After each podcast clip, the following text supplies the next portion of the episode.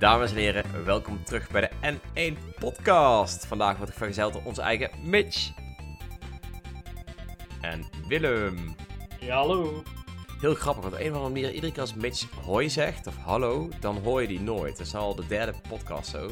Heel apart. Ik weet niet wat het is. Iets met Stille verwelkoming. Discord of Iets zo. met jouw oren. Het zou kunnen. I don't know.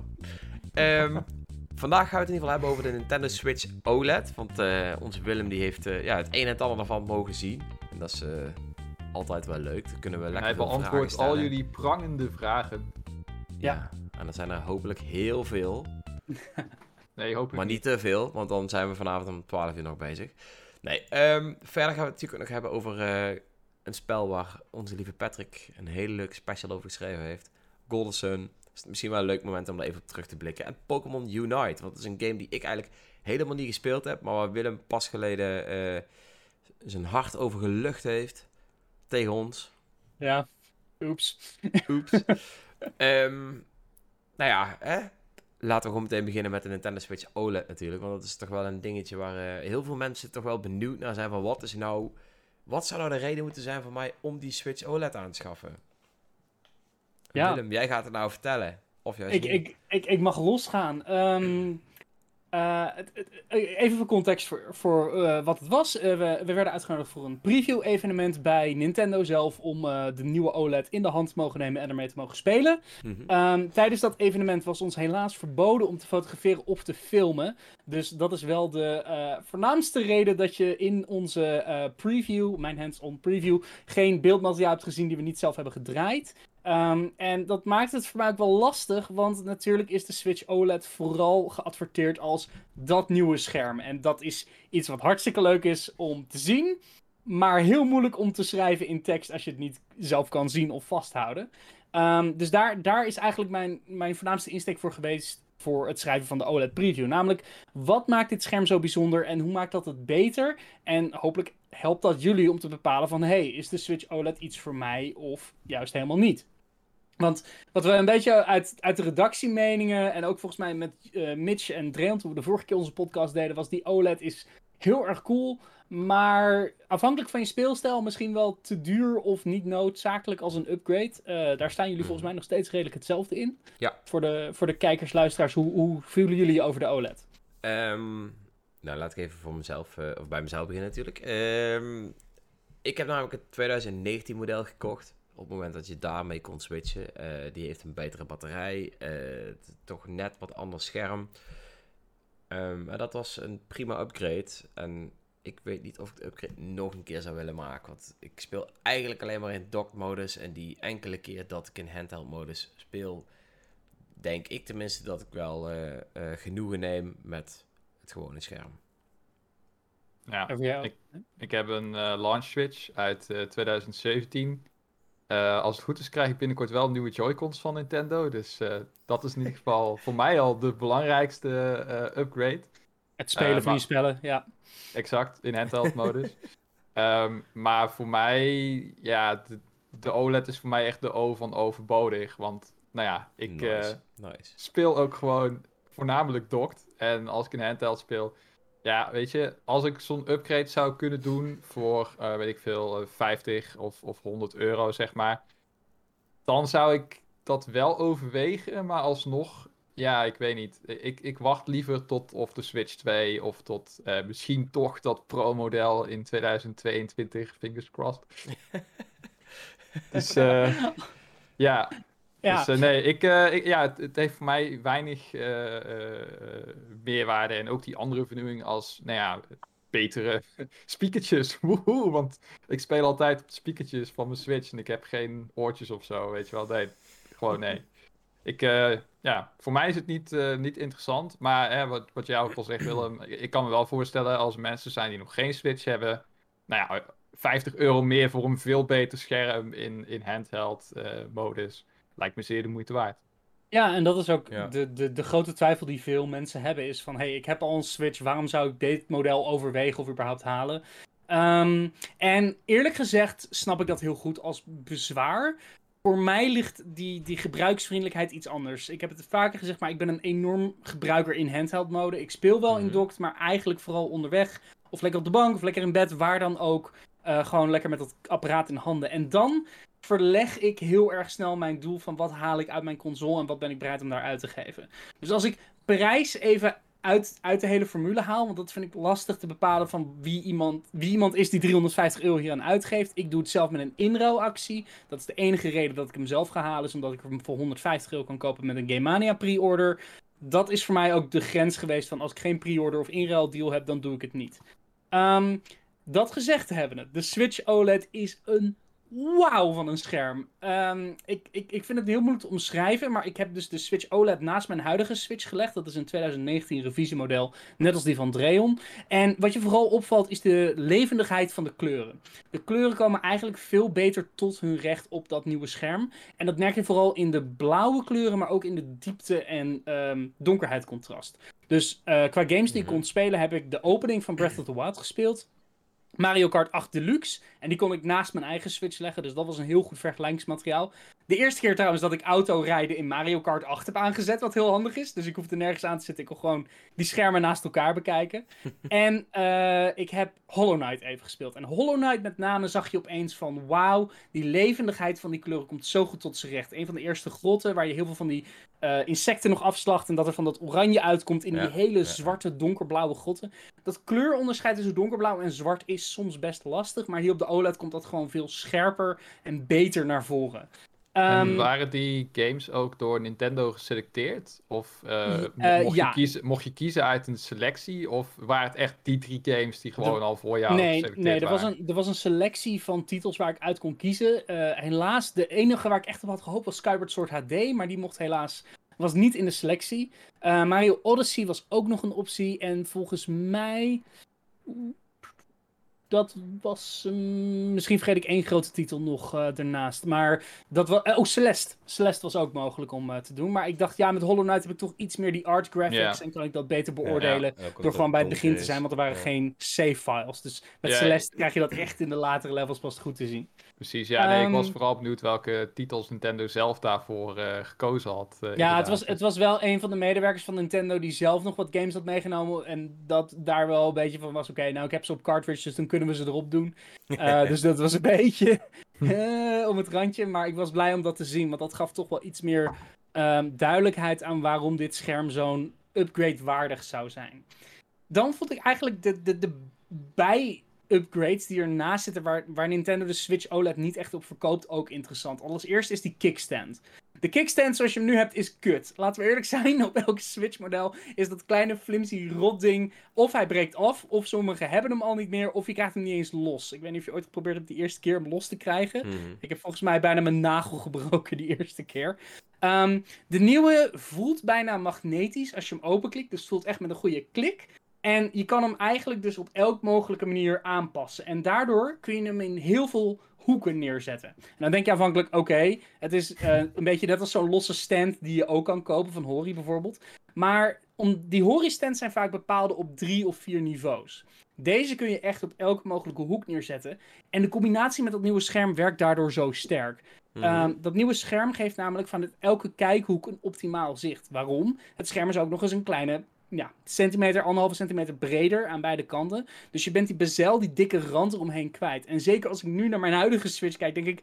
Ah, waarom is dat zo'n dikke... Het is zo'n rand. En op de OLED is dat, wordt dat zo. Dat is ongelooflijk veel hmm. meer schermruimte en oppervlakte. Maar dat is echt hmm. een standaard tactiek. Nintendo maakt altijd eerst een versie met dikkere bezels... om dan later te zeggen van... Haha, die zijn nu weg. Maar dan moet je Eerlijk, betalen.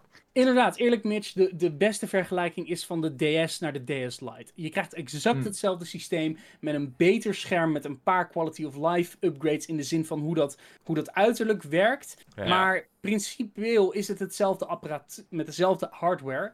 Ja, uh, en dat, dat is eigenlijk hoe je er het beste in kan gaan, denk ik. De DS Lite is de Switch OLED van deze generatie.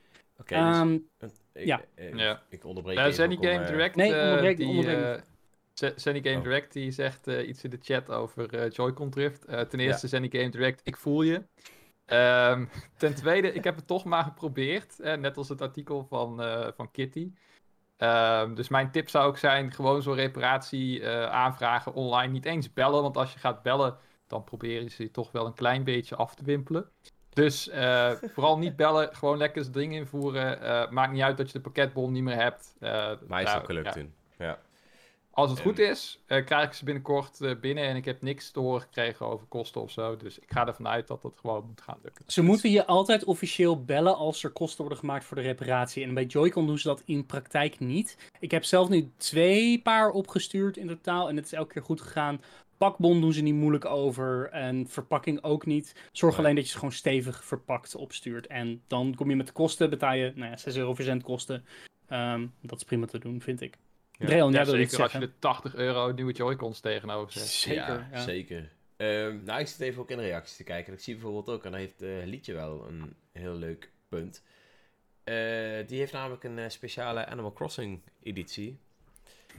En als je zo'n mooie editie hebt, ik heb hem zelf niet, maar ik heb hem, uh, ik heb echt met man en macht dat ding proberen te bemachtigen uh, voor mijn moeders verjaardag. En die heeft hem wel. dus die, uh, het is gelukt, dus dat is wel leuk. Maar die, ja, het is echt een hele mooie Nintendo Switch. De, het kleurencontrast daarop is, is, ik bedoel, niet grafisch, maar gewoon hoe dat ding eruit ziet, is echt, is echt heel leuk.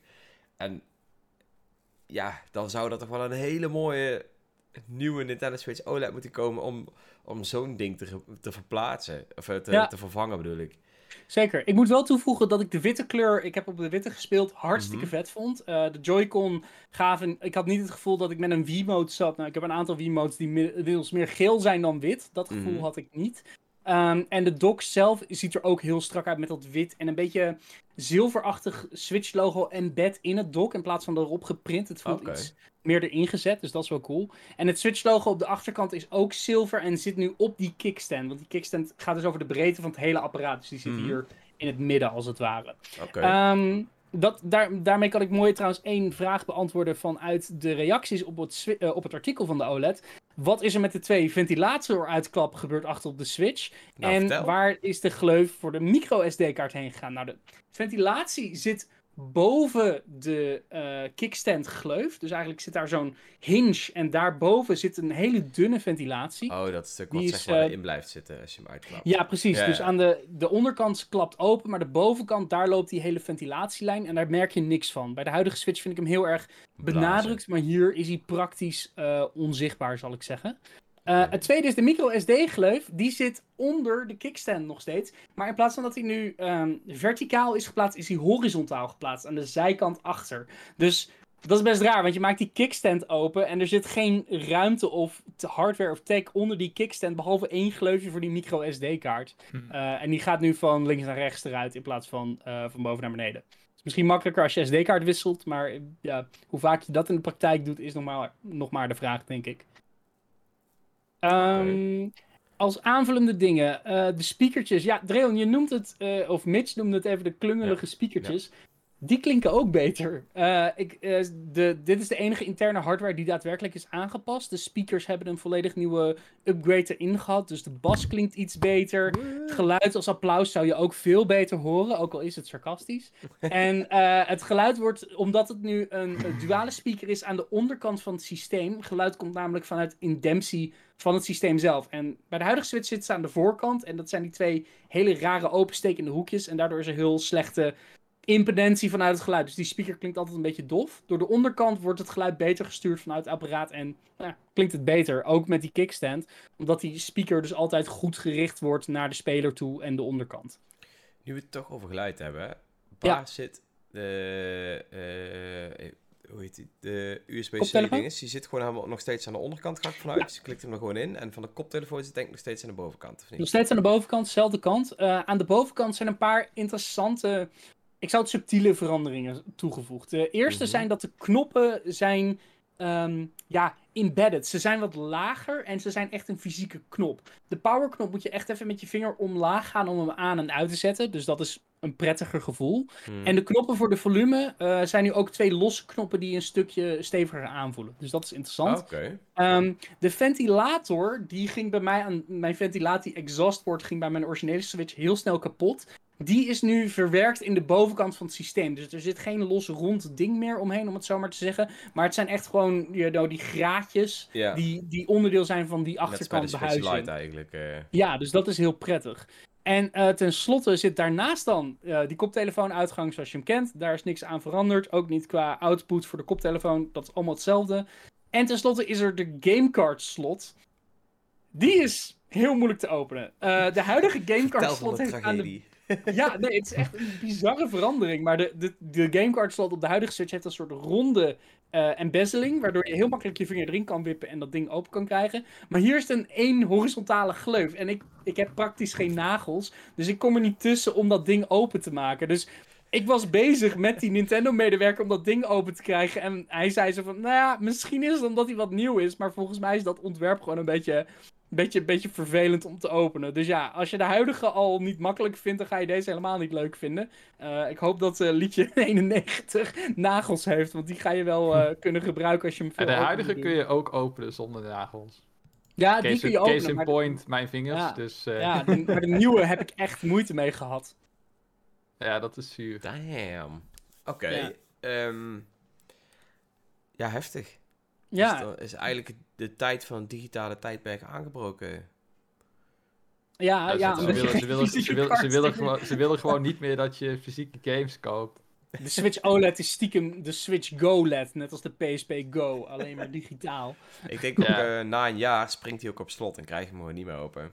Oh ja, dat is, uh, hebben we daar al een naam voor? Uh, switch slot, Switch lock in plaats switch, van Joy-Con switch, switch, switch locking. Switchlocking, ja, ja, ja. Dat klinkt heel top. In plaats van, in plaats van softlocking, uh, switchlocking. Dat denk ik. Ja, dat is even wilde ja. gooi, maar... Um, en, ja, sorry? Ja, uh, en dan is er nog een dock.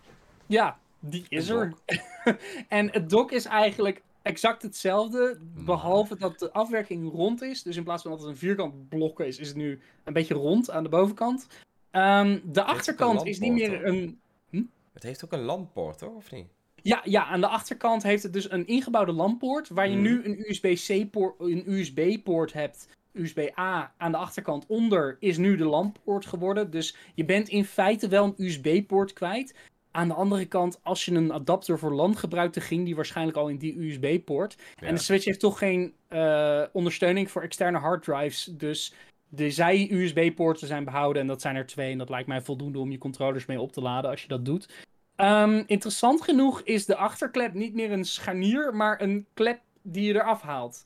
Uh, de huidige Switch Dock, als je die wel eens oh. opent, die valt naar beneden en zit met een scharniertje vast. En deze kun je er gewoon uittrekken en eraf halen. Um, ik deed dat om te kijken hoe, hoe die lamppoort eruit zat. En ik, ik paniekte want ik dacht dat ik hem had afgebroken. Shit, maar het was dus van, nee, nee, deze hoor je eraf te halen en dat is prima. Dus dat, uh, dat is nou, ja, en ondertussen zijn ze hem nu gewoon aan het repareren as we speak. ik, hoop, ik, hoop, het niet, want dan mogen ze hun promomateriaal ook uh, veranderen. Krijgen wij een rekening volgende week? Krijgen wij een rekening, ja. ja. Geen, we hebben geen uh, modellen meer verkrijgbaar, maar je kan nog wel een rekening ontvangen van ons. ja, dus, uh, dus dat, dat was even ja, schrikken. Doneren, maar doneren op onze Patreon. Ja, precies. Dreon zal en, de link even droppen in de Twitch-chat. Ja, ja, doneer op onze Patreon. Um, ik denk dat de achterklep eraf halen wel prettig is voor mensen die veel hun dock verplaatsen. Of mhm. die gewoon niet, zeg maar, recht een kabel eromheen willen en dan erdoor willen trekken. Dat gaat gewoon een stukje soepeler uh, door de hele achterklep eraf te halen. Interne hardware is niks veranderd aan de dock. De Nintendo-medewerker zei me: Ik kan niet zeggen dat er een interne chip is geüpdate, maar er is geen 4K-ondersteuning. Er is geen, you know, upscaling, resing, mhm. whatever. Het is gewoon dezelfde dock. En hij wordt ook los verkocht. Hij gaat los verkocht worden via de, in ieder geval de My Nintendo Store. En is compatible met alle vorige Switch-modellen. Behalve de Switch Lite, uiteraard. Dus uh, als je je dock wil upgraden voor een directe LAN-poort, kan dat voor waarschijnlijk 90 euro koop een LAN-adapter voor 20 euro. Doe, doe je zelf. Oh, shit, gaan ze 90 euro vragen voor zo'n dock? De dock kost nu al 90 euro los. Wat? En dat, uh, dat is de prijs die je waarschijnlijk gaat blijven betalen. Wat? Ja, ik kan niet zeggen dat dat de prijs is die het wordt, maar... 90 ja, een, euro voor een los, dock? Ja, los dock is duurder dan een pro-controller. What the fuck? Maar ja, ja, maar er zijn mensen die duidelijk twee dokken willen omdat ze meerdere tv's hebben of een nou, groot huis. Nou ja. ja, ik weet wel dat. Maar wat voor technologie zit er in zo'n dok dat het fucking 90 euro waard is? Het zijn ik een denk... stel poorten en een. Ik denk, de ups, ik denk de upscaling naar 1080 als hij in dat dock zit, dat USB-C over converting naar HDMI, dat zal het wel zijn. Ja, I don't know. Ik, uh... Ik weet niet, het is Nintendo, ze komen ermee weg. Ik bedoel, Ja, het is dat- helaas Ja, ik de bedoel, waarheid ze, hiervan. ze, ze, ze hadden ook die Wii U Gamepad, die vervangen kost ook 150 euro of zo. Ja, die kon je niet eens een tweede van kopen. Dus deze, het is in ieder geval fijn dat je nog een tweede dock kan kopen. Ehm, qua erin en eruit zetten, exact hetzelfde. Eh, hij zit net zo dicht op de binnenrand als de huidige Switch dock. Ehm, ik heb ooit mensen gehoord die krassen hadden op hun Switch door het dock. Geen idee of dat hetzelfde is, maar... hmm. Hier zaten nog Ja, dat was bij die launch modellen was dat volgens mij Ja. bij sommige Ja. mensen Ik heb een het ook eh, probleem. Ik heb het ook Oh, gehad. dat is wel vervelend. Ja. Ja, ik heb hem gekocht ten tijde van Mario Odyssey, dus eh, ik heb er toen geen last van gehad. Maar een maat van mij die had dat wel, net als met de Joy-Con verbinding die wegviel als je net je- iets te ver van de tv ging Ja, zitten en zo. ja. Als je been ertussen zat of zo. Ja. Oh ja. Spe- Speaking of de Joy-Con, nog twee dingen over het apparaat. Die, zeg maar, dat is het punt. Het zijn zoveel kleine dingetjes die interessant zijn, maar bij elkaar misschien niet die upgrade verkopen voor iedereen. Het systeem is 1 mm breder. Letterlijk, als je het naast elkaar houdt, Mhm. steekt die 1 mm breder uit. Dus dat is de reden vooral dat Labo-gebruikers ehm, de Sjaak zijn. Ehm, als, als we een van de drie Labo-gebruikers van Nederland hebben, spijt me, sorry. Domper. En eh, de Joy-Con zijn exact hetzelfde intern. Eh, er is niks aangepast voor zover mij is duidelijk geworden of verteld. Het zijn Joy-Con, ze zijn mooi wit in dit geval, maar je kan ze ook in het rood en blauw krijgen. Yeah. Dat is het. Aan upgrades. En dan is natuurlijk de vraag: is dat het waard of niet? Ik ben een handheld gebruiker. Ik koop mijn OLED met korting door in te ruilen. Als ik dat niet zou doen, zou ik zeggen: nee. Als je al een Switch hebt, is dit niet per se de upgrade waard. Als je veel in docked speelt, helemaal niet. Dat, echt, als je docked speelt, jongens. Als je Switch al vier jaar in dock zit, hartstikke fijn voor je. Dit is niet voor jou. Absoluut niet. De meerwaarde is er niet. Behalve als je een echt een nieuw model wil, maar dan nog schiet je er niks meer op. Is het interessant voor mensen die vorig jaar nog een Switch Lite gekocht hebben? Nou, voor de, voor de Switch Lite kopers is dit een interessante, echte instap voor als je dus een dock erbij wil. Of als je de Switch ook echt als de dock Switch kunt gebruiken. Dan zou ik zeggen, ja, deze Switch OLED is het model wat nieuwe gebruikers voor een Switch, die nog geen Switch hebben, mee moeten instappen. Dat is, is, de, gewoon- is de D-pad eigenlijk hetzelfde als op de Ja. Switch Lite? Dus dat je een echte D-pad hebt? Nee, in nee, nee, nee, nee, nee. Het is een Switch Joy-Con. Dus exact dezelfde. eh, Oh, ik dacht dat Switch. Lite een betere D-pad had. Ja, de Switch Lite heeft een D-pad, maar de Switch OLED heeft nog steeds Joy-Con. Oh, de Joy-Con, dus- ja, die zijn onveranderd. Ja, dus die zijn onveranderd. Mm. Ehm, dus dat, dat kans. is. Ja, dat is gemiste kans. Ehm, ik zie in de chat Zenny Game Direct. Ja, ik eh, ja, ik heb een Hori Playstand. Ik, eh, ik, ik heb hem niet voor me liggen. Ehm, past de OLED daarin? Ja, maar door die nieuwe kickstand hoef ik geen Playstand meer te gebruiken. Eh, ik, ik, al- ik kon hem erin leggen en dat werkte prima. En aan de onderkant zitten nog steeds die twee gaatjes, waardoor die zo fijn vast zit op die Playstand. Maar omdat de kijkhoeken door die nieuwe stand zo prettig zijn op werkelijk elke hoek, is het niet nodig om een playstand te gebruiken. In mijn ervaring in ieder geval. De hoogte was beter af te stellen. Die playstand kan maar op drie niveaus. En deze kun je op elk niveau aanpassen. En dat voelt gewoon een stuk beter. Ehm, zelfs als je, als je er een boek onder zou zetten, dan eh, is dit prettiger om te gebruiken. En hij voelt ook stabieler, absoluut. Je kan hem gewoon overal op neerzetten, omdat de, de stand de hele breedte van het systeem betrekt. Ehm, dus ja, als je al een Switch hebt, hoef je deze upgrade niet te halen. Als je een launch model hebt, kun je het overwegen als je heel veel in handheld speelt. Omdat je dan ook die batterij-upgrade van het 2019 model erbij krijgt. Dus Juist, ja. dat, dat is wel echt Want dat ik denk van... Gaat deze ook als je... vijf uur mee?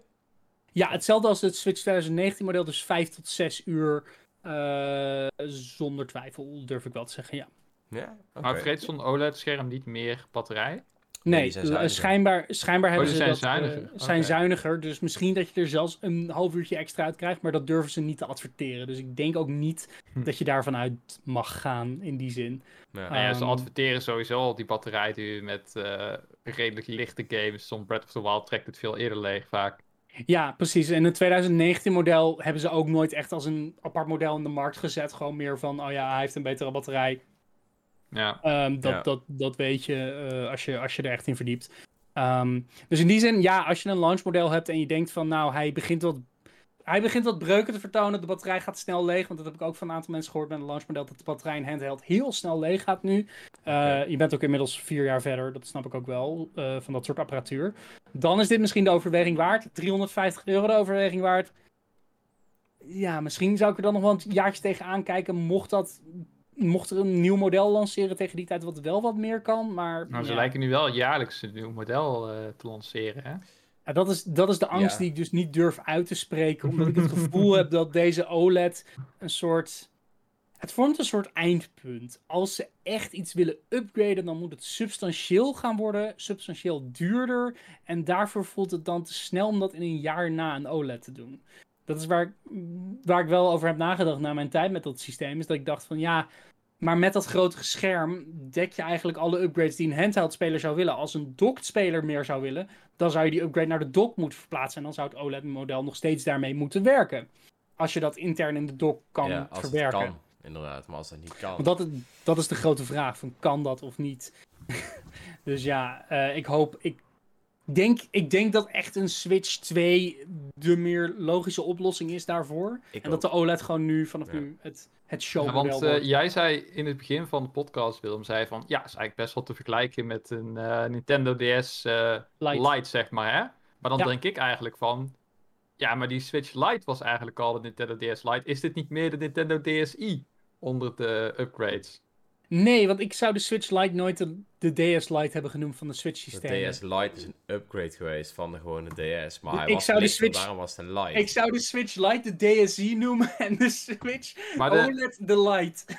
Maar de, de, de is. OLED is toch eigenlijk een versie die, eh, nou ja, grafisch misschien door het OLED-scherm net wat indrukwekkender is en wat meer, eh, ja, zoals jij zegt, subtiele nieuwe functies heeft. Dat doet mij meer denken aan Mhm. de DSi dan aan de DS Lite, want Ja, de dat- DS Lite deed puur... Maar dan, dan is de, de Switch Lite een aparte markt, omdat je hem niet kan Ja, ze- ja. zetten in een dock. Dan is een Switch ja, Lite ja, eerder ja, een... De Switch Ja. Lite is dan de 2DS en de, de Switch OLED is de Zo kun je het al nieuwe beter. 3DS, maar Ja. dan zonder de hardware. Oh my god, mindfuck. Maar zo kun je het al inderdaad al beter vergelijken. De Switch Lite kun je net als de 2DS meer zien als een goedkopere downgrade. Het is een ja, goedkopere het downgrade interessante- die een andere markt serveert. En, en nou ja, deze omdat ik dus moest denken 3DS. aan, zou Nintendo echt eh, zo eh, kwaadaardig zijn dat ze gewoon al een jaar later gewoon een opvolger aan de markt eh, brengen die veel beter is? Eh, ja, want als je naar Ja. de DSi kijkt, die kwam in, op 5 maart 2010 uit. En eh, in februari 2011 kwam de 3DS uit. Dus als je toen een DSi gekocht had, Ja. dat je dacht van, nou, daar kan ik wel even mee vooruit.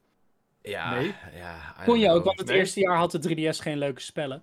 Oeh. know. Oh shit. Maar je kon Maar als je hem had, kreeg je wel 4 een in hele hoop- 3D spel, eh, spelen. En, Dus je een hele hoop eh, Game Boy Advance games. Dus, ja, En Ocarina of Time. En eh, Star Fox 64. Oeh. ja, maar, dat, maar dat, die konden we niet spelen in Europa, want we hadden alleen Lilith Wars. Dus dat was eigenlijk de eerste Maar- keer dat we echt Star Fox 64 konden. Mitch, ik moet wel ja. zeggen dat als, als dat je angst is, dat je dan gewoon eigenlijk geen tech kan kopen. Want ik, ik ben zelf heel erg groot fan van Mm. fotografie. En fotografie werkt standaard als het nieuwste model op de markt is, dan zijn ze al klaar met de volgende. Dat is simpelweg Ja. hoe tech werkt, omdat de Ja, chips maar dat ligt ook aan jezelf, hè. Want Kijk- ik, ko- ik koop überhaupt eigenlijk jongens. bijna geen... eh, ik koop überhaupt bijna geen incrementele eh, upgrades. Ik koop meestal gewoon het ding. En dan Ja. ik ergens misschien halverwege als de versie echt veel beter is, zoals de Lite. Want dat is echt gewoon op elk vlak een verbetering Ja. ten opzichte van de DS. Eh, dan koop ik die. En dan wacht ik tot ze met een opvolger komen. Dus ik ben daar sowieso vrij, eh, vrij voorzichtig in. En daarom Maar- denk ik van Switch OLED, dit is één dit. dit. Dit gaat zo... Ik verwacht dat die sneller vervangen gaat worden. Of dat er sneller een nieuw model geïntroduceerd gaat worden dan mensen denken. Ja, misschien. Aan de andere kant denk ik ook van, dat is, dat is heel wisselend Oh, per persoon, per ge... Dat, zo. het werd dat was beter dan niks. Het werd Dat wel was beter. Uiteindelijk stelt jouw ding een beetje bij. Dus ik zou hem Ja, wel. Maar dan gaan we Ja. kijken. Nee, maar ik Ehm, denk ook uiteindelijk van dat, dat maakt het moeilijk om dit te, te samen te vatten voor wie dit is.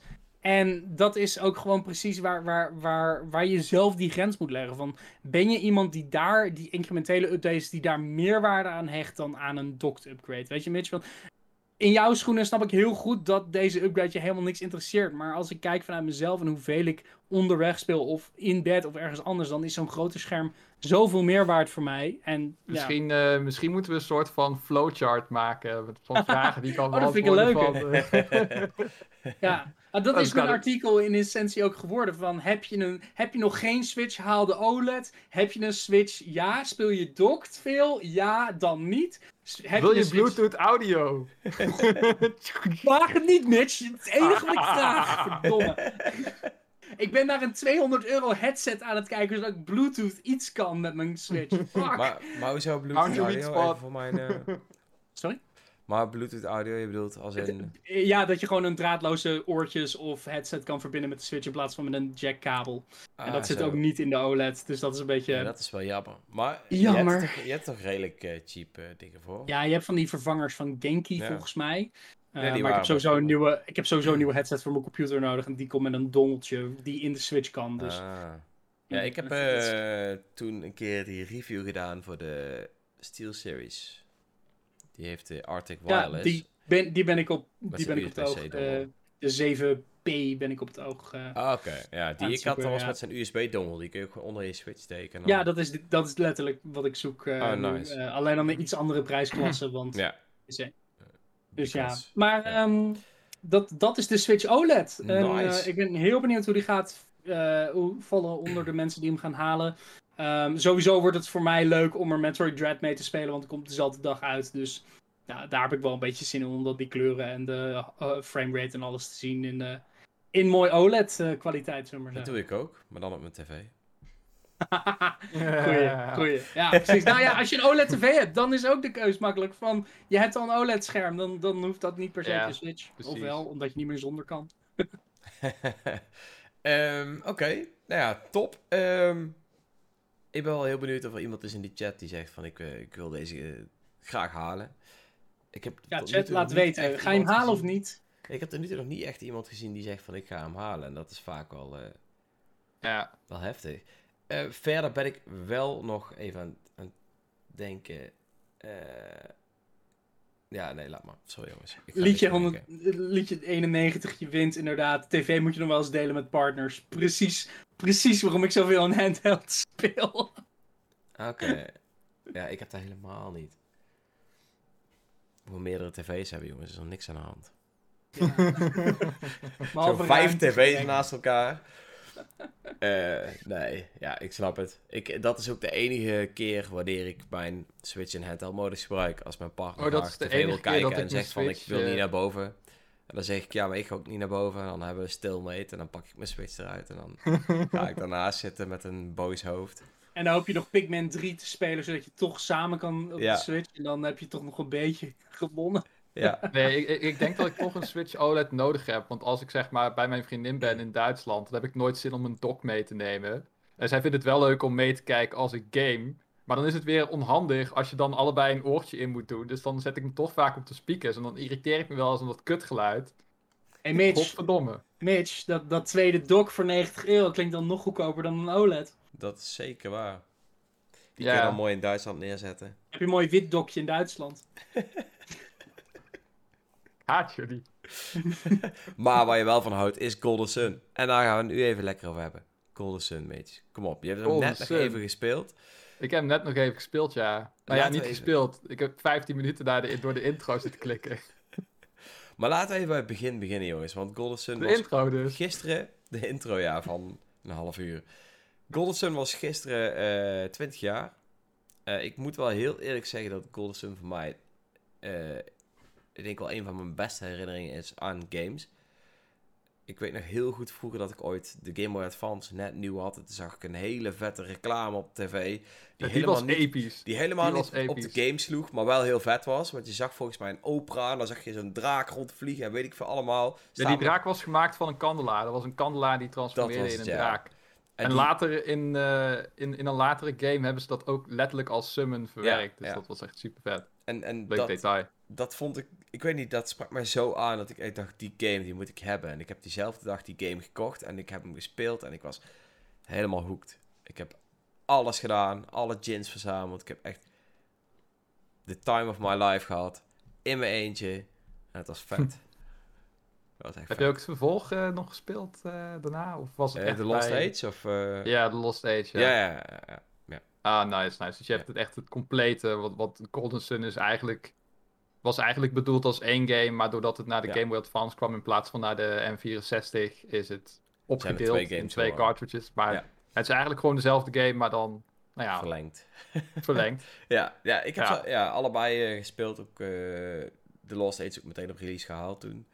Ja, Ehm, Ja, nee, wat ik, wat ik dan wel een hele toffe eh, twist vind, is zeg maar dat je de tweede game speelt met de party, wat eigenlijk de antagonists zijn Ja, ja. eh, van de eerste game. En dat vind ik heel tof. En dan later in de game komen die twee parties samen. En dan, als je dan zeg maar eh, in de eerste game jouw party geleveld had en je voert dan het paswoord in wat je krijgt uit de eerste game, dan neem je, neemt je party dus alles mee Ja, uit die uit eerste game. En dat vond ik echt, echt heel nice. Ja, dat was heel tof. Dat was wel jammer dat het een password was van meerdere zinnen volgens mij, maar eh, verder was Ja, maar je moet er wel wat voor over hebben, hè. Kom op. Ik vind het fijner dan dat je bijvoorbeeld eh, een andere Game Boy zou nodig hebben om dan Met per se met en een linkkabel dat Mhm. voor elkaar te gaan krijgen. Doe mij dan maar een, een password van eh 300 woorden. Dat maakt me dan ook niet uit. Voor die ene keer. Ja, ik, maar ik, ik, ik weet ook eigenlijk nog niet eens eh, wat ik nou echt het allervetste vind aan die game. Want er zijn zoveel dingen die ik heel tof vind. Maar ik weet wel dat het hele systeem met die gins, dat is een ding wat mij wel echt heel goed bij is gebleven. Plus, ehm, je, je had bepaalde dungeons die je moest doen, die je net als in iedere RPG hebt, dat je gewoon een paar dingen moet schuiven en zo, een beetje standaard. Maar wat ik heel Ja. vet vond, was dat eh, jouw eh, personages hadden een, een kracht genaamd eh, eh, Synergy, of hoe je het ook uitspreekt, Psynergy, Synergy, I don't know. Ehm, maar die, werd- die werd dus ook gebruikt buiten gevechten. Die gebruikte je dus ook als je door de overworld liep om dingen te doen, of door... Ja, het was een beetje het HM-idee uit Pokémon, Ja. maar dan beter uitgewerkt. Ja, Omdat die moves daadwerkelijk ook nut hadden in een gevecht. ja, in plaats en- van en- dat het zo... Ja, Ja, inderdaad. En, en het was ook gewoon heel, heel vet dat je, dat je dus echt best wel moeilijke puzzels had. Waarbij je gewoon ver- verschillende van die krachten moest combineren om het uiteindelijk allemaal te kunnen doen. Ja, je kon bijvoorbeeld, Ehm. eh, dan had je van die plasjes water op de grond en dan dan kon je die in een pilaar van Ja. ijs veranderen en dan kon je die pilaar vervolgens schuiven met je onzichtbare hand, eh, synergy en zo, en dat soort Ja. dingen. Dan moest je daar weer overheen springen en dan kon je een brug voor jezelf maken. Dat soort dingen zaten erin. Maar er was Ja. ook bijvoorbeeld de mindreader en dat vond ik heel vet, want dan Ja, kon je letterlijk de mindreader van iedere NPC in de game. En soms was dat nodig om verder te komen, maar 90% van de tijd was dat gewoon niet nodig. Was het soms gewoon grappig om als je, weet ik veel, een of andere gast die een beetje sleazy loopt te praten. Dat je denkt van, oké, nou wil ik weten wat, hij echt hij? over mij Ja. denkt, weet je wel. Dat is, dat is... En voor een Game Boy game vond ik dat best indrukwekkend hoeveel detail er zat eh, in, die, eh, in die wereld. Ja. Ehm, Het, ik, en ik vond het ik sowieso... zie het altijd... Oh, sorry. Ja? Ja. Ehm, Oh. Zeg jij maar. Nou ja, ik, ik zie Golden Sun voor de mensen die het niet kennen. eh, de makkelijkste manier om het uit te leggen. Het is een Japanse RPG, top-down, old school, op de Game Boy Advance. En het is eigenlijk een mix tussen eh, Pokémon, Zelda en Final Fantasy. Je Ja. hebt zeg maar, de puzzels zijn een beetje Zelda-achtig. De gevechten zijn turn-based, Final Fantasy. Je hebt summons, je hebt elements, je hebt classes. Die je ook kan mixen en, en matchen gedurende je playthrough.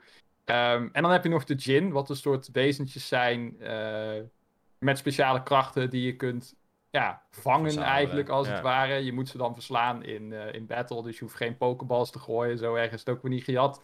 Dus het is wel wat origineler dan, eh, dan dat. Maar die kon je dus verzamelen en daarvoor moest je ook vaak, in plaats van dat je ze alleen maar tegenkwam in het wild, eh, moest je ook vaak puzzeltjes oplossen. Dan zat er ergens in een dungeon zat er een gin en dan moest je die laten schrikken en dan uite- uiteindelijk in de val lokken, insluiten en dan kon je alsnog tegen hem vechten en dan kon je hem weer toevoegen aan je party.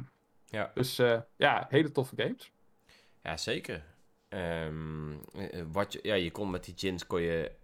en je kon ze bijvoorbeeld aan bepaalde personages geven... waardoor ze andere elementen kregen... en weer allemaal nieuwe krachten konden krijgen... die je in je gevechten kon doen. Je kon ze eh Ja. stand-by zetten of zetten. Als ze stand-by stonden, dan kreeg je... eh, en meer HP en meer attack en weet ik veel allemaal. En zodra je ze zetten, werden ze opgeladen. En eh, als je ze dan opgeladen had, kon je ze gebruiken voor een, soort van super attack. En hoe meer je er Ja, had, voor zieke- zieke summons, werd, zeg eh.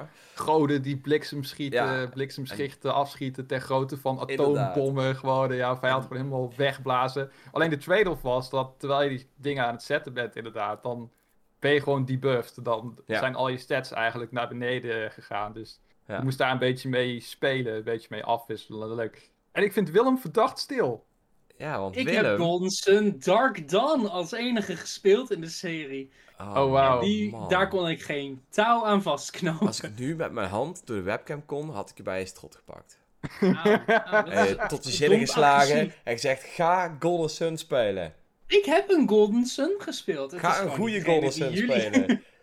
Wat is er zo slecht aan Dark Dawn? Want van wat ik me herinner, hoor ik veel overeenkomsten met wat ik toen heb gespeeld. Het, het is echt Dark alleen Dawn is dan een beetje... Dark een Dawn ander is een stijltje? beetje- Ja, nee, Dark Dawn is een beetje de eh, Pokémon Diamond en Pearl van Golden Sun. Alles is zo ontzettend traag.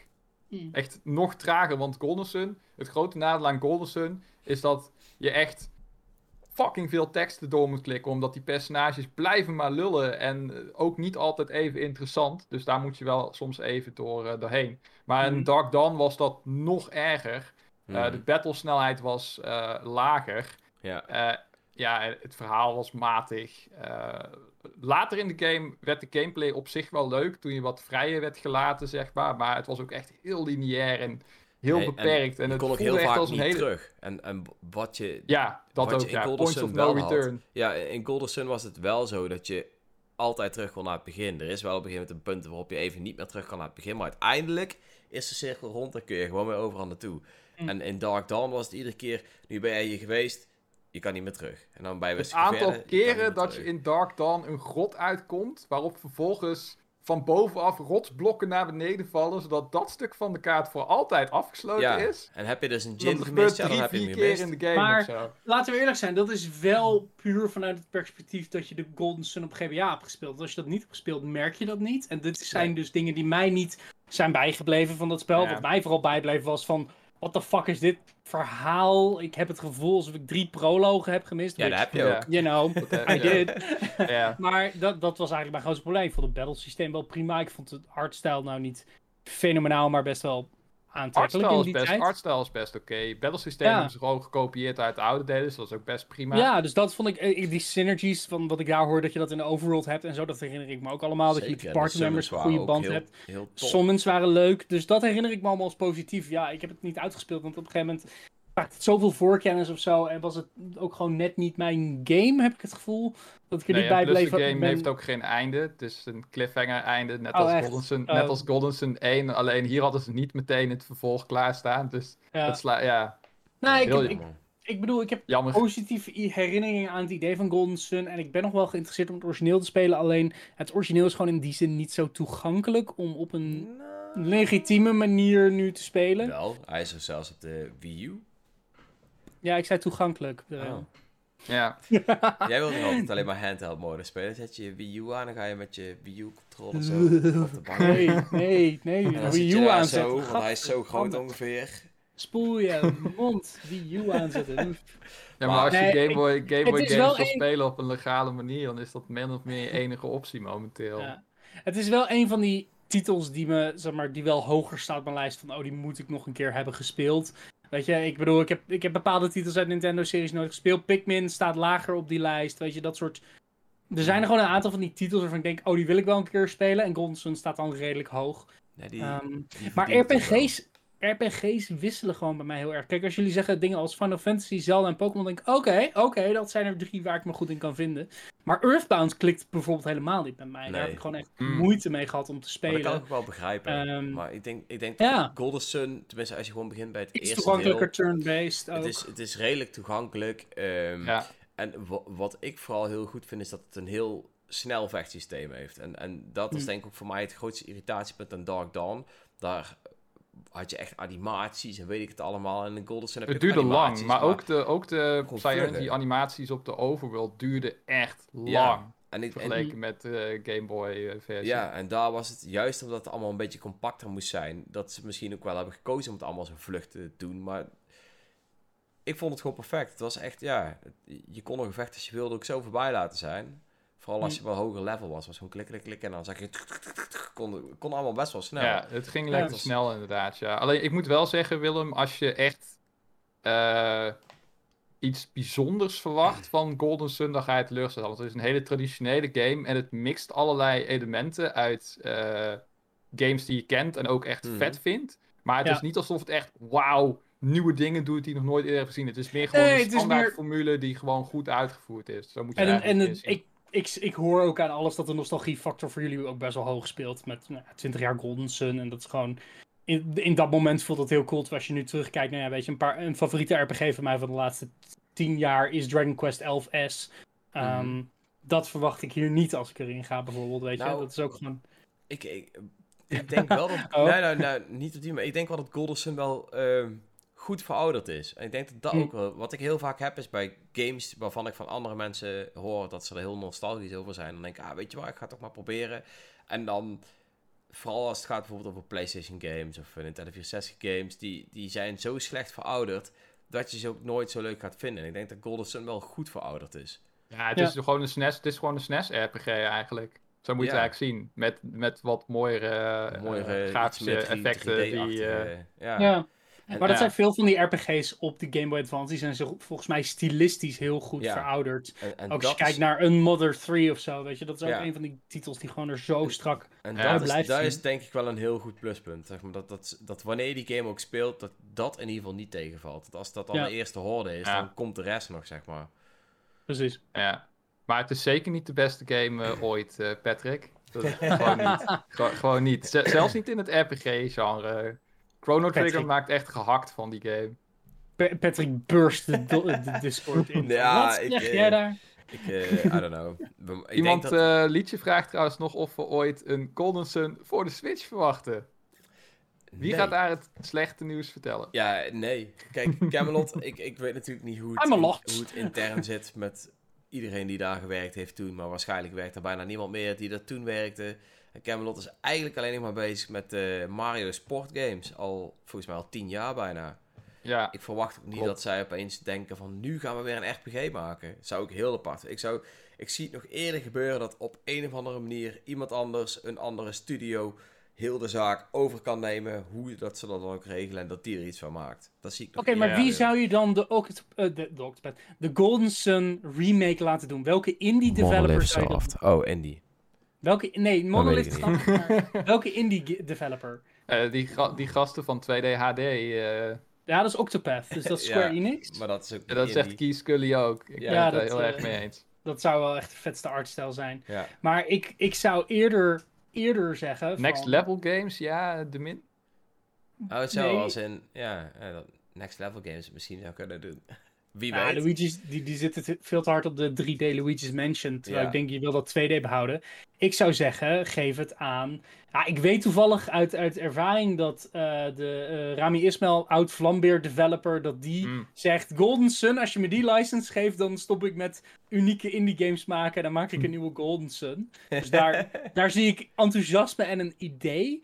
Maar als ik echt gewoon een, een vette indie studio dat zou willen laten doen. Mijn, mijn hoofd zegt Team Cherry. En ik weet niet waarom, maar zo, ook misschien omdat ik het net over Hollow Knight had. Maar die Mm, een soort getekende artstijl zou het wat moderner, frisser maken. In plaats van die pixelstijl. En ook omdat pixel gewoon niet meer zoveel gedaan wordt. Ja, maar ik denk ook niet dat je de pixelstijl nodig hebt. Ik weet niet of... Ja. ik zou een het, ik zou het stijl cool vinden zijn, als, maar- die, eh, als die gast van ehm A Short Hike het zou doen. Oeh, Adam in- Drew. Ja. Ja, want in die game heb je zeg maar ook dat je kunt kiezen van wil je het pixeliger of wil je het cleaner. En dat vind ik heel vet. En dat Ja. lijkt me ook wel tof bij, eh, bij Golden Sun. Dat mensen die die retro, die die pixels op een scherm eh, willen zien ploeteren gewoon, die kunnen dat gewoon. En Ja. eh, mensen die het smooth willen, dat kan ook. Ik- En ik denk ook eerlijk gezegd dat die... eh, hebben jullie Iconoclast gespeeld? Ehm, Nee. Dat is een hele vette Metroidvania, voor wie hem gemist heeft. Ik heb hem wel, maar nooit gespeeld. Pixel, pixel art Metroidvania, heel goed verhaal ook. Heel, heel toffe personages. Maar die stijl is zo eh, vloeiend en fris voor pixel art. Weet je, normaal denk ik ook van, ja oké, dit is SNES of NES. En dit voelt echt als, wow, dit is moderne pixel art, vloeiend en eh, expressief. Zoiets zou ik ook wel willen zien dan voor zo'n titel. Oké. Ja. Ik, eh, ik ben benieuwd. Ja, ik Wat denk, is ik jouw dat favoriete Game Boy Advance eh, RPG, eh, Willem? Oeh. Eh, ik heb de meeste tijd gestoken in Pokémon Fire Red. Ehm, dus Oh, niet eens Sapphire. Nee, nee, want ik vond, ik ben, nee, Fire Red staat heel dicht bij mijn hart. En ik vond Sapphire en Ruby wel cool. En Emerald ook. Maar Fire Red staat gewoon net iets dichtbij. Ook al vind ik dat niet de beste Pokémon game. Ik denk qua Game Boy Advance RPG specifiek. Ja, ik heb niet zoveel RPG's op de Game Boy Advance überhaupt in mijn hoofd. Mario en Luigi Superstar Saga. Ja, Yes! Ja! ja, die is, die is, die is eh, vet goed. Dat Eh, dans Rip- je altijd, Jonas. Ja, ja, fuck. Ja, dat is hem. Ja, Alpha Dream. Rip Alpha Dream. Elke RPG-maker op de GBA is gestorven. Zo. Alpha Dream On. Mm. Ja, Alpha Dream On. Ja, dat zou Hmm. wel eh, tof zijn. Nee, ik heb, ik heb op de GBA vooral heel veel, heel veel actiegames gespeeld, korte titels. Sonic eh Advance serie vond ik heel interessant. Eh, een van de weinige Sonic games die ik kan hebben. Die heb En, ehm, nog, ja. ja. En de Metroid games zijn top op GBA. Ik ga denk weer Ja, keertje de Game Boy zeker. Advance Konden we eens maar spelen op Switch. Hmm. Ik denk nog steeds dat gedaan. GBA-games naar Switch komen dit jaar. Ik Ja, denk nog steeds dat, dat, dat je mij mag trakteren op een drie gangen maaltijd als het gebeurt. Alright. Ik, eh, ik ben benieuwd. Ehm, ja, ik, dat ik- gaan we al bij Daan doen, toch? dat wordt zeker, zeker een succes. ik, ja, ik, ben- ik ben benieuwd. Ik hoop echt eh, dat we nog ooit iets gaan zien van Golden Sun. Dat moet ik wel heel eerlijk toegeven. Het is wel een game. Het zal ooit wel terugkomen, denk ik. Dat, Ja, dat, die- dat is gewoon de industrie tegenwoordig. Nostalgie, eh, het Switch-effect, kleinere titel, e-shop misschien. Dat Precies, Chibi Robo eh, kwam ook terug. Ja, Ja. true that. Ja. dezelfde- Prime kwam ook terug met Blastball. Ik bedoel, de wonderen zijn de wereld nog niet uit. Blastball, Golden Sun. Golden Sun. Ja, Golden Sun als een e-sports game met die grote hand van Isaac eh, ballen heen en weer schieten. Ja, ik dacht meer Golden Sun Pinball of zo. Oeh, oeh, ja, Ja. Ja, Nee, nee, rot op met je pinball games. hard. Daar, koop ik, dat, dat kan ik op mijn telefoon spelen. We hebben nog één game te bespreken, jongens. Oh, Zelda Minish Cap inderdaad, ja. Niet dat Die die, game te bespreken, maar dat zegt eh Min als eh, beste Game of Advance RPG. Zelda een RPG! Mm, discutabel, vooruit. discutabel. Het is, ja... Action-adventure met RPG-elementen. Maar jongens, we hebben nog één game te bespreken. Pokémon Unite. Want ik heb de game niet gespeeld. Ik denk ook niet dat ik hem ooit ga spelen. Want ik heb echt een godschuwelijke hekel aan MOBA's. Ik ook niet, maar dat houdt niet tegen om hem af te zeiken. Juist, dus Willem ga je gang en dan gaan wij het dadelijk afzeiken. Nou, Pokémon Unite is gemaakt voor mensen die een godschuwelijke hekel hebben aan MOBA's. Want ik ben er ook een. Alleen ik heb de afgelopen week, weken, twee weken, al bijna 20 uur gestoken in Pokémon Unite. En het geheim achter dat plezier wat ik heb tijdens het spelen, is dat in tegenstelling tot League of Legends, waar je een match speelt van 55 minuten en na 20 minuten denkt, kutzooi, we zijn aan het verliezen, maar ik zit hier nog een half uur omdat niemand wil opgeven. Pokémon Unite doet per match 10 minuten. Als je een quick match doet, doet hij 3 of 5 minuten. En dat is perfect. Het is gewoon korte, bite-sized MOBA gameplay. Heel simpel het doel. Je speelt als een hoofd-Pokémon. Onderweg versla je wilde Pokémon. Daar krijg je punten voor. En die punten moet je deponeren in het doel van je tegenstanders. En dat is eigenlijk alles wat je doet. Je kan tegenstanders uitschakelen voor meer punten. Je kan meer Pokémon in het wild opzoeken. En zodoende eh, probeer met punten te scoren. En het team met de meeste punten aan het einde wint.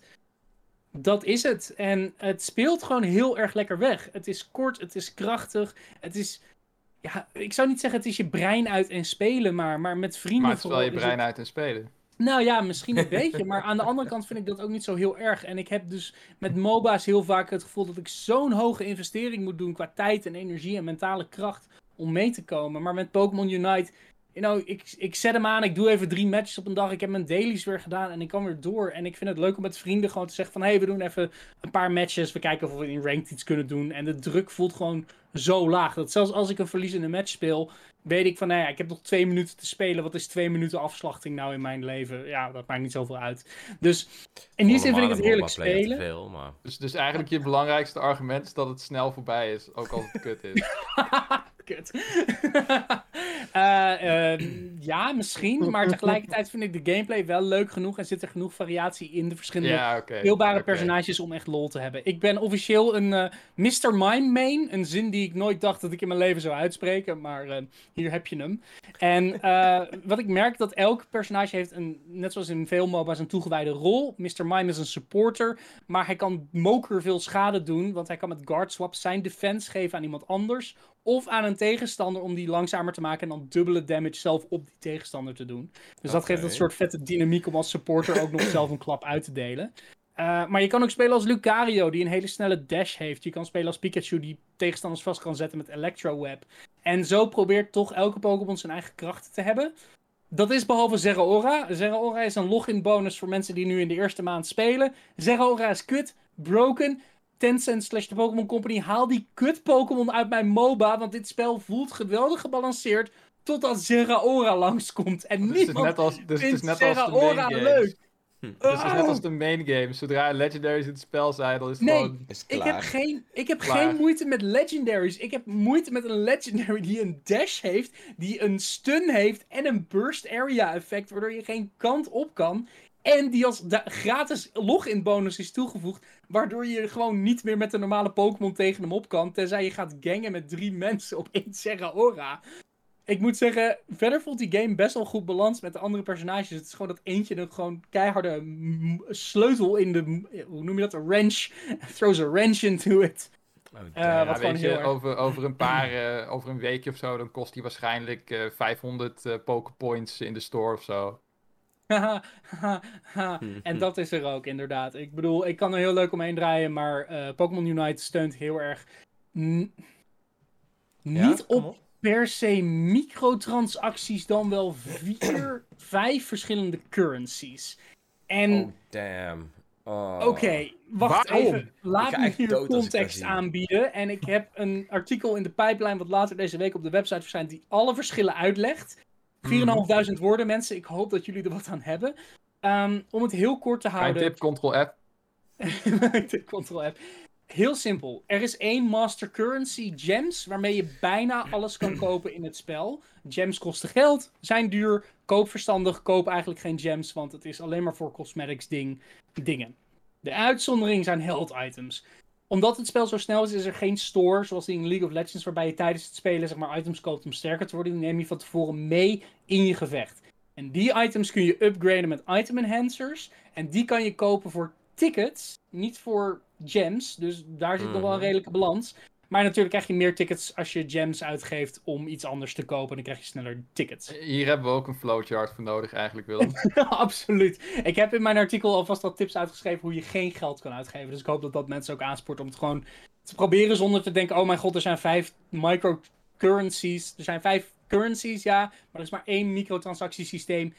En eerlijk gezegd, ik heb nu twee weken gespeeld. Ik heb nog niet de drang gevoeld dat ik daar geld aan moet uitgeven om mee te komen met het spelen. Het kan als ik de Battle Pass wil of als ik extra skins wil, maar die zijn zo godvergeten duur dat ik daar geen geld aan uitgegeven. Een skin voor Mr. Mime, 1200 gems, 22 euro. Wauw. Voor Ik- één skin. Ik heb ook echt een hele goede tip om geen geld uit te geven. De game niet downloaden. Oké, maar het... Ja, maar het spel is leuk. Ik vind het spel daadwerkelijk gewoon leuk Ja, maar om dat te is het spelen. probleem. Die Nintendo mobile games zijn gewoon best goed gemaakt. Ik bedoel, ik heb Mario Kart Tour ook best wel veel gespeeld. Ik heb er bijna nooit geld aan uitgegeven. Ik heb er in totaal misschien 5 Ja. of 10 euro uitgegeven. Maar als ik dan kijk naar hoeveel ik het gespeeld heb, dan valt dat echt wel mee. Qua Mhm. uren die ik eruit gehaald heb. Nou ja, Maar kijk, ja, weet je... Dat, dat, Kwalitatief. Ik weet niet. dat ik, zou ik nu ook kunnen relativeren op Pokémon Unite. Als ik nu 9 euro uitgeef aan gems, dan zou ik zeggen voor 20, euro, 20 uur spelplezier gratis, vind ik dat reëel. Ja, Dat is niet voor iedereen. Is- En het spel pusht niet die microtransacties. Dat wordt de hele tijd van mensen, oh, je moet geld uitgeven. Hij zegt de hele tijd, koop gems hier. Nee, dat, dat doet het spel praktisch niet. Er zijn heel veel systemen die best irritant zijn, ik geef dat toe. Maar tegelijkertijd is het niet alsof de game continu zegt, je kan niet verder spelen, wacht 12 uur Ja, of dat koop niet, 300 maar- gems.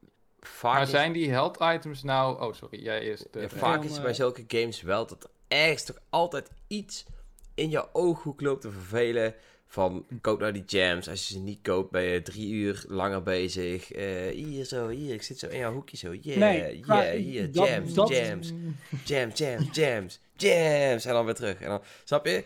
Eh, ik heb, er, ik heb er ook gewoon echt 0,1 een godschuwelijke hekel aan als andere mensen de gems wel kopen en wel dikke skins hebben, alles bam, bam, bam. En dan eh, kom jij daaraan en denk je, ja, ik wil eigenlijk gewoon spelen en fun hebben. Maar ik zie iemand anders die een hoop geld uitgeeft en meer fun heeft dan ik, omdat hij er zoveel geld in gooit. En dan voel ik me bijna eh, gedwongen om er ook geld in te steken om net zoveel lol te hebben als die dude. Het, eh, Oké, het ligt ook ja. aan mezelf, 100%, maar dat Ja. is iets, ik stoor me daar echt mateloos aan. Om- Maar ook aan cosmetics? ja, ook Oké. aan cosmetics. Ik, I don't know. Oké. eh, Ja, Let me let me tell you, let me tell you the tale of Talonflame. Talonflame is een van de twee Pokémon die een deluxe holo skin heeft. En dat is een Mhm. skin met een speciale intro animatie. Het ziet eruit als een steampunk piloot. De definitie van cool. Hoe krijg je Talonflame? Dreon, hoe krijg je Talonflame? Vertel me. Eh, kopen met gems. Of 80 nee, uur spelen en dan kun je Nee. hem earnen. Dreon, nee. Je koopt, je kan hem op twee manieren krijgen. Nee, je kan hem op één manier krijgen. Met energy rewards. Aan het einde van elke match krijg je zoveel punten aan energy rewards. En een energy reward gaat in een gacha loot systeem. Oh Er mijn is god. 0,1% kans om de Talonflame skin te krijgen. En die kan je niet kopen. De enige manier om het te krijgen is het gacha systeem. Met gems kun je meer energy kopen voor het gacha systeem. Mhm. Maar je kan niet de skin kopen. Dus als jij iemand ziet die de Talonflame skin heeft, heeft hij 0,1% geluk gehad. Bij 0,01% geluk gehad bij die fucking gacha systeem. Dus zelfs als je hier geld tegenaan zou gooien voor die deluxe skin, dan, dan heb je meer kans. Sure. Maar die kans is 0,01. Dus. Ja. d- Ja, ik haal daar geen is fun uit. Schiet mij maar lekker. Nee, ik, ik, Maar dat, nee. dat snap ik. Maar tegelijkertijd hoor ik jullie ook allebei spreken vanuit het idee van de hele microtransacties blokkeert de rest van het spel. En ik Maar daar heb ik bij begrijp dat en ik, ik Mhm. respecteer absoluut die mening. Ik ben het daarmee eens en ik ga dat ook niet verdedigen, want het zijn absoluut predatory praktijken om mensen geld afhandig te maken. En als je daar gevoelig voor bent, begin niet aan Pokémon Unite. Tegelijkertijd heb ik mobile games gespeeld die dit zoveel erger doen. Ja, maar die, Een- die gaan een ook Genshin mijn Impact. telefoon.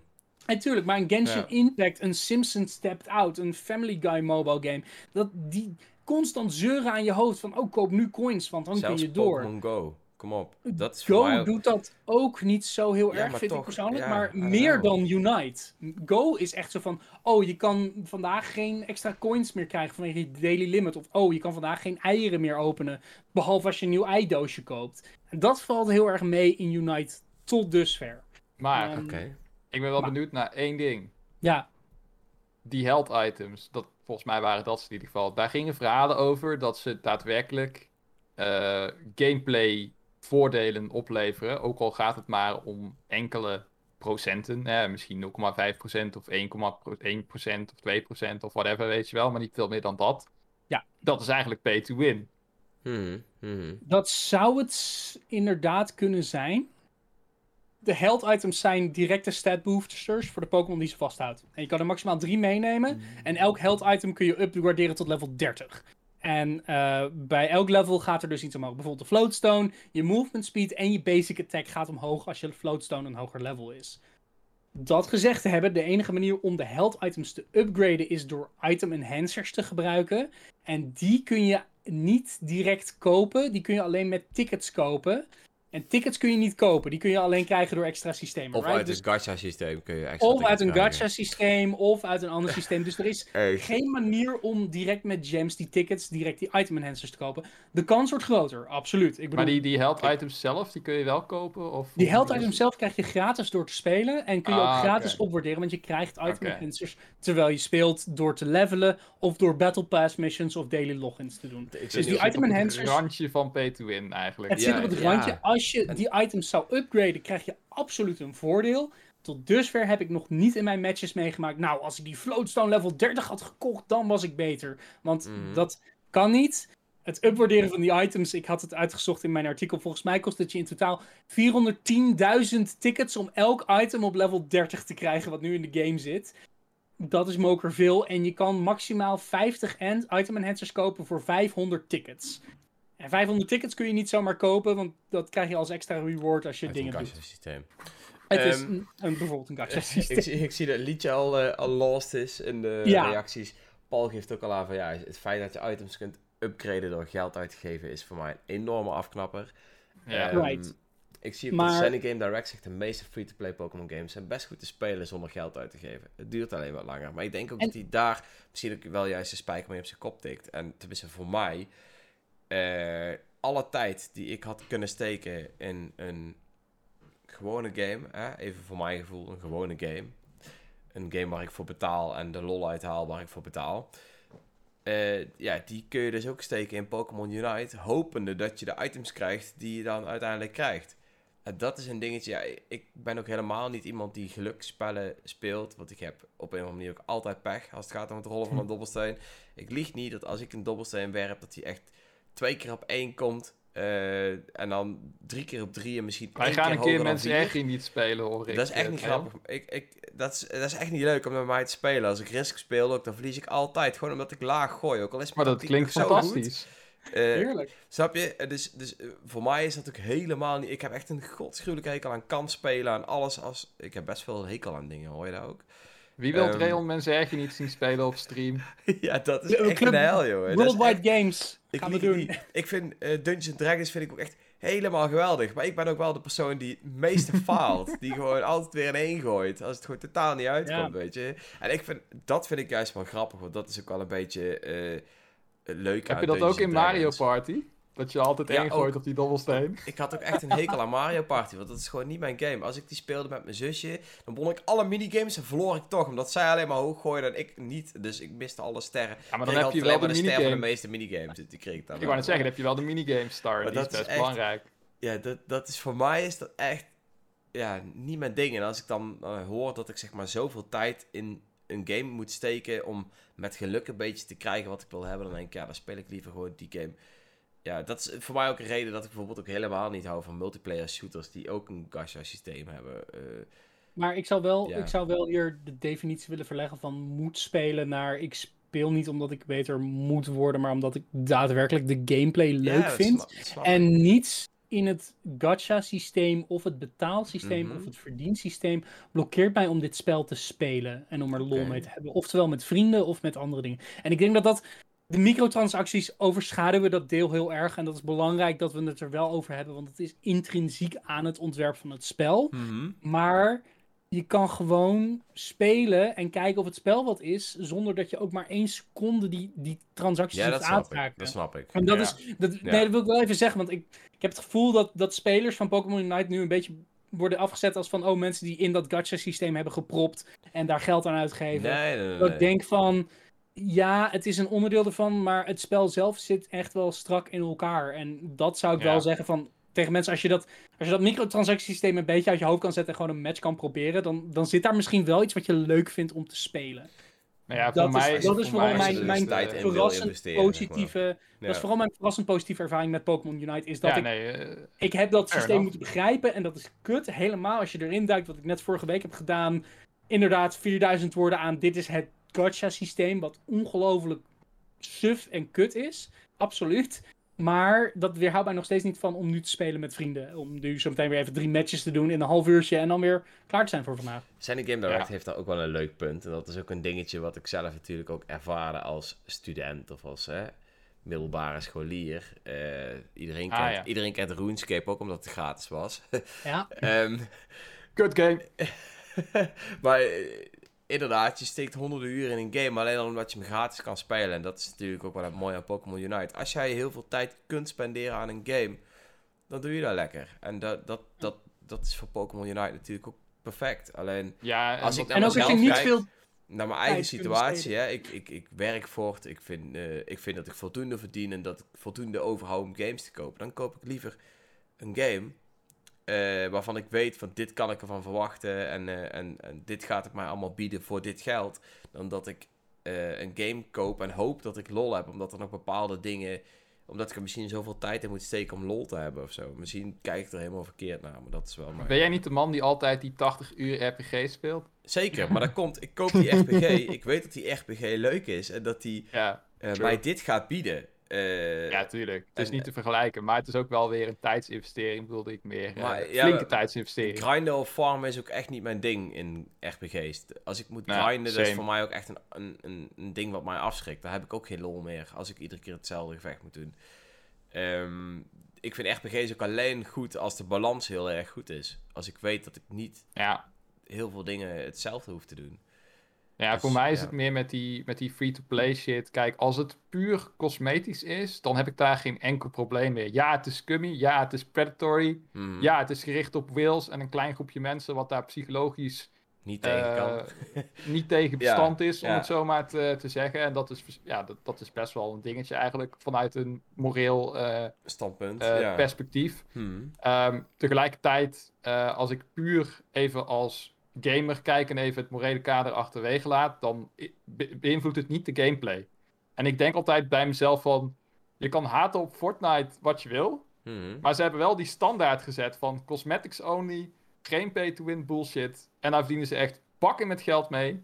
En daardoor is dat pay-to-win allemaal een beetje... Nou ja, volgens mij had je het in het verleden in van die Koreaanse games. Maar verder dan dat is het nooit echt gekomen qua mainstream eh, ontwikkeling. Hmm. En ik vrees met grote vrees als ik dan weer zie hoe Pokémon Unite dan wel weer op dat randje aan het balanceren is, weet je wel. Dat ze dan toch een keer bij een Nintendo mobile game nota bene misschien ooit een keer die grens eh, overgaan. Eh, Ja. Maar goed, zoals jij het nu zegt, Willem, valt het nog eh, mee in ieder geval. Het valt mee. Ik zie, ik zie valkuilen. En ik ben me er ook bewust Nou. van dat sommige mensen daar best wel in kunnen vallen. Ehm, ik wil er wel aan toevoegen: dit is niet een Nintendo game. Eh, dit is Pokémon Company Tencent. Oh Ja, wacht, ja. dat is wel Dus belangrijk. is even eh, een belangrijke. Ik, ik heb Ja. het neergehoord van. Oh, Nintendo doet deze praktijk. En ja, Nintendo heeft het ook gedaan in andere mobile games. Ehm, Maar die kunnen wij hier toch niet spelen. die kunnen wij hier niet spelen. en ten tweede is dit ja. dus echt Tencent. En als je Genshin Impact als vergelijkingspunt pakt, wat, wat hun andere grote titel is, die ook een gacha-systeem en dit soort microtransactions gebruikt, dan gaat dit wel iets. De, de drempel ligt hier wat hoger om geld uit te geven dan in Genshin Impact. Genshin Impact is wel veel sneller van. Oh, en nu heb je nieuwe heroes nodig, anders kun je dit helemaal niet spelen. En in Pokémon Unite kun je alles gewoon spelen zonder die eh, transacties. Oké, nou, Dus dat wilde ik, nog eh, even toevoegen. Ja, Ja, ik, zelf heb ik er totaal geen interesse in. Maar ik hoop wel dat er, dat er mensen zijn die er wel lol mee gaan hebben. En eh, in ieder geval ook ehm, een, een iets wat, hoe moet ik het zeggen... andere take op MOBA's eh, kan spelen, zou ik het dan zo zeggen. Ja, als je, Ehm. als je een fris take op een korte MOBA wilt doen en je wilt tussendoor snel wat matches spelen en je hebt een vriend of iemand om het mee te spelen, doe dat, want dat is echt het allerleukste. Helaas, met Leon, als je moet kiezen tussen, tussen Mens Erg genieten en Pokémon Unite downloaden, wat zou je dan kiezen? Als ik, sorry? Als ik? Als je zou moeten kiezen Ja? tussen Pokémon Unite downloaden en een avond lang spelen, of een avond lang tegen de hele en één redactie Mens Erg genieten. Eh, mensen eigen niet tegen de hele redactie. En dan komt is het- eraf in één avond. En het komt ook voornamelijk omdat er dan eh, hopelijk eh, eh, wat drank bij is en zo. En dat het eh, net wat gezelliger is. Ja, en we gaan ook een kleine store openen, dat je extra dice rolls kan kopen voor 5 euro per stuk, zeg maar. Dan mag je vijf keer gooien in één beurt als je 25 euro Elk rondje voor de redactie is een extra dice roll. Ja. Damn, sorry, mijn telefoon ging. Ehm, ik zie nog wel in de, in de reactie dat er nog wel best wel veel min- mensen inhaken op het 80 uur plus RPG's. Ehm, maar inderdaad, je backlog begint er spontaan van te janken. Dat is ook echt wel een dingetje waar ik al, eh, al jaren last van heb. Ook wel een beetje omdat ik iedere keer weer een nieuwe spellen koop, terwijl dat eigenlijk helemaal niet nodig is.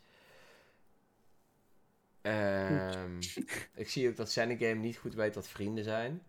En Life Giving ook niet. Dat was een bot liedje die jouw bericht heeft verwijderd. Dat was niet een van ons, denk ik. nope, was- Hoop ik. Ik heb hem eh, op zijn de flikken gegeven, dus dat zo. zou goed. Goed zo. Ehm, nou ja, Paul wil heel graag Tabletop Simulator spelen in de aankomende gameavond. Dus dat is ook nog wel een dingetje. Onze vrijdagavonden worden er trouwens regelmatig gameavonden gehouden hier. Dus eh, mocht je ooit mee willen doen, je bent altijd welkom om daarbij aan te sluiten. Eh, ik weet niet, ik denk dat, het, eh, dat we het gehad hebben. Het is eh, ook alweer kwart over tien, zie ik inmiddels. Jullie hebben eh, met z'n allen toch alweer eh één uur en een kwartier naar ons kunnen luisteren. En we zijn er toch wel erg blij om sowieso dat er, dat er toch iedere keer weer zoveel mensen bij zijn bij de live, Ja. eh, eh, Ja, super bij vet. de live Super podcast. vet. Echt en heel het erg brengt leuk. ook echt veel interactie en eh, ja, ook Ja. echt leuk om jullie vragen te lezen en opmerkingen tussendoor te lezen. Ja. Want wij kunnen natuurlijk ook maar zo lang grappig zijn. Dus dan is het handig als we wat hulp krijgen af en toe. Yes, zeker. Ik ben overigens wel heel benieuwd eh, wat iedereen nou uiteindelijk vindt van dit concept. Want, want ik, ik, ben het, ik denk natuurlijk ook regelmatig na van hoe is het nu voor iemand om achteraf de... Z- oh, sorry, wat? Zenny maakt de opmerking van de avond. Ik mis wel de Mitch. van Mitch op de achtergrond. Shout-out Roy als je luistert. Je bent weer welkom. om, om op de achtergrond te zitten. Ja, terwijl je wacht op Mitch. Ehm, Ja. Nou, maar het is, ik denk nog heel af en toe wel na van... Oké, ehm, is het concept nu juist? Ook als het gaat om het terugluisteren van de podcast. Hè, want wat natuurlijk ook wel een kracht is van onze podcast... is dat je hem altijd kunt luisteren. En nu we live zijn, is natuurlijk de live luisteren nog het leukste. Dus ik ben ook wel heel benieuwd... ehm, ja, reageer ook vooral hierop van... eh, mocht je deze podcast later, later luisteren dan dat die live is... hoe is dat? En zijn daar dingen die we misschien nog in kunnen verbeteren... Heb je misschien graag dat het op een andere manier live gooien? Of, of ja, ik, ik, ik weet natuurlijk niet, eh, niet precies eh, hoe dat we het beste aan kunnen pakken. Dus mocht je tips hebben, ja, geef die gewoon. En wij gaan kijken of dat we er iets mee kunnen doen om het eh, voor iedereen zo leuk mogelijk te maken. Ehm, ik zie ook hier beperkt zijn hoe lang jullie grappig kunnen doen. Vraag Mitch Ja, anders gewoon even anders- hoeveel hij van Warrior ga- Warriors games houdt. Ja, ziels veel. Wel, Ongelooflijk veel. Ik, eh, ik heb nog zoveel Warrior games sealed liggen, nooit gespeeld. Omdat ik ze gewoon, ja, ik wil ze gewoon een goede staat houden, weet je wel. Uiteindelijk gaan ze een game maken van Mitch die alle Warriors games in elkaar slaat. dat zou leuk Alle zijn. waves van Warrior games die op Mitch afkomen. Ja, als, ik, als ik in 2000, eh, weet ik veel, 35 een flinke stapel heb, dan schop ik die gewoon een keer op stream. Helemaal, wat? Dat Weet je wel, als, als, een, mooi als, een, als een klein kind op de kleuterschool dat de blokkentoren van iemand anders helemaal kapot maakt. Oh, je was er zo heen. Oké, duidelijk. Oh ja. Nee, Oh, nee, ja. ik was, ik, was, ik, was de, ik was de bouwer. Ik was de bouwer. Daarom hou ik ook zo van Minecraft en Dragon Quest Builders. Die ik ook niet eh, gespeeld klinkt heb. geloofwaardig. ah, jongens toch. Maar eh, ja, ik vond het in ieder geval weer gezellig. Ik ben blij dat, ja, dat we zoveel luisteraars eh, hebben live. Dus dan wil ik ook iedereen weer bedanken voor het aanwezig zijn bij deze live podcast. Op zich is me dit best goed bevallen. Dus ik zit eraan te denken om dit vaker gewoon op, lekker op de maandagavond te doen. Ehm, ja, laat even weten hoe, dat is bevallen. Of dat je liever in het weekend zien. Of juist liever op een doordeweekse avond. Eh, Mitch, Willem, ik wil jullie allebei ook weer bedanken voor het aanwezig zijn. Het was weer gezellig. Ehm, niet altijd even grappig, maar gelukkig hebben we de chat om onze grappen hoog staan te houden. Nou, gewoon mijn grap herhalen, Treon. De inspiratie is echt op, hè? Het is echt op. Het is tijd om af te sluiten. Toppie. Nou, shout-out naar al onze luisteraars en kijkers. Woe, Woe. tot de volgende. Tot de volgende Tot keer. Later.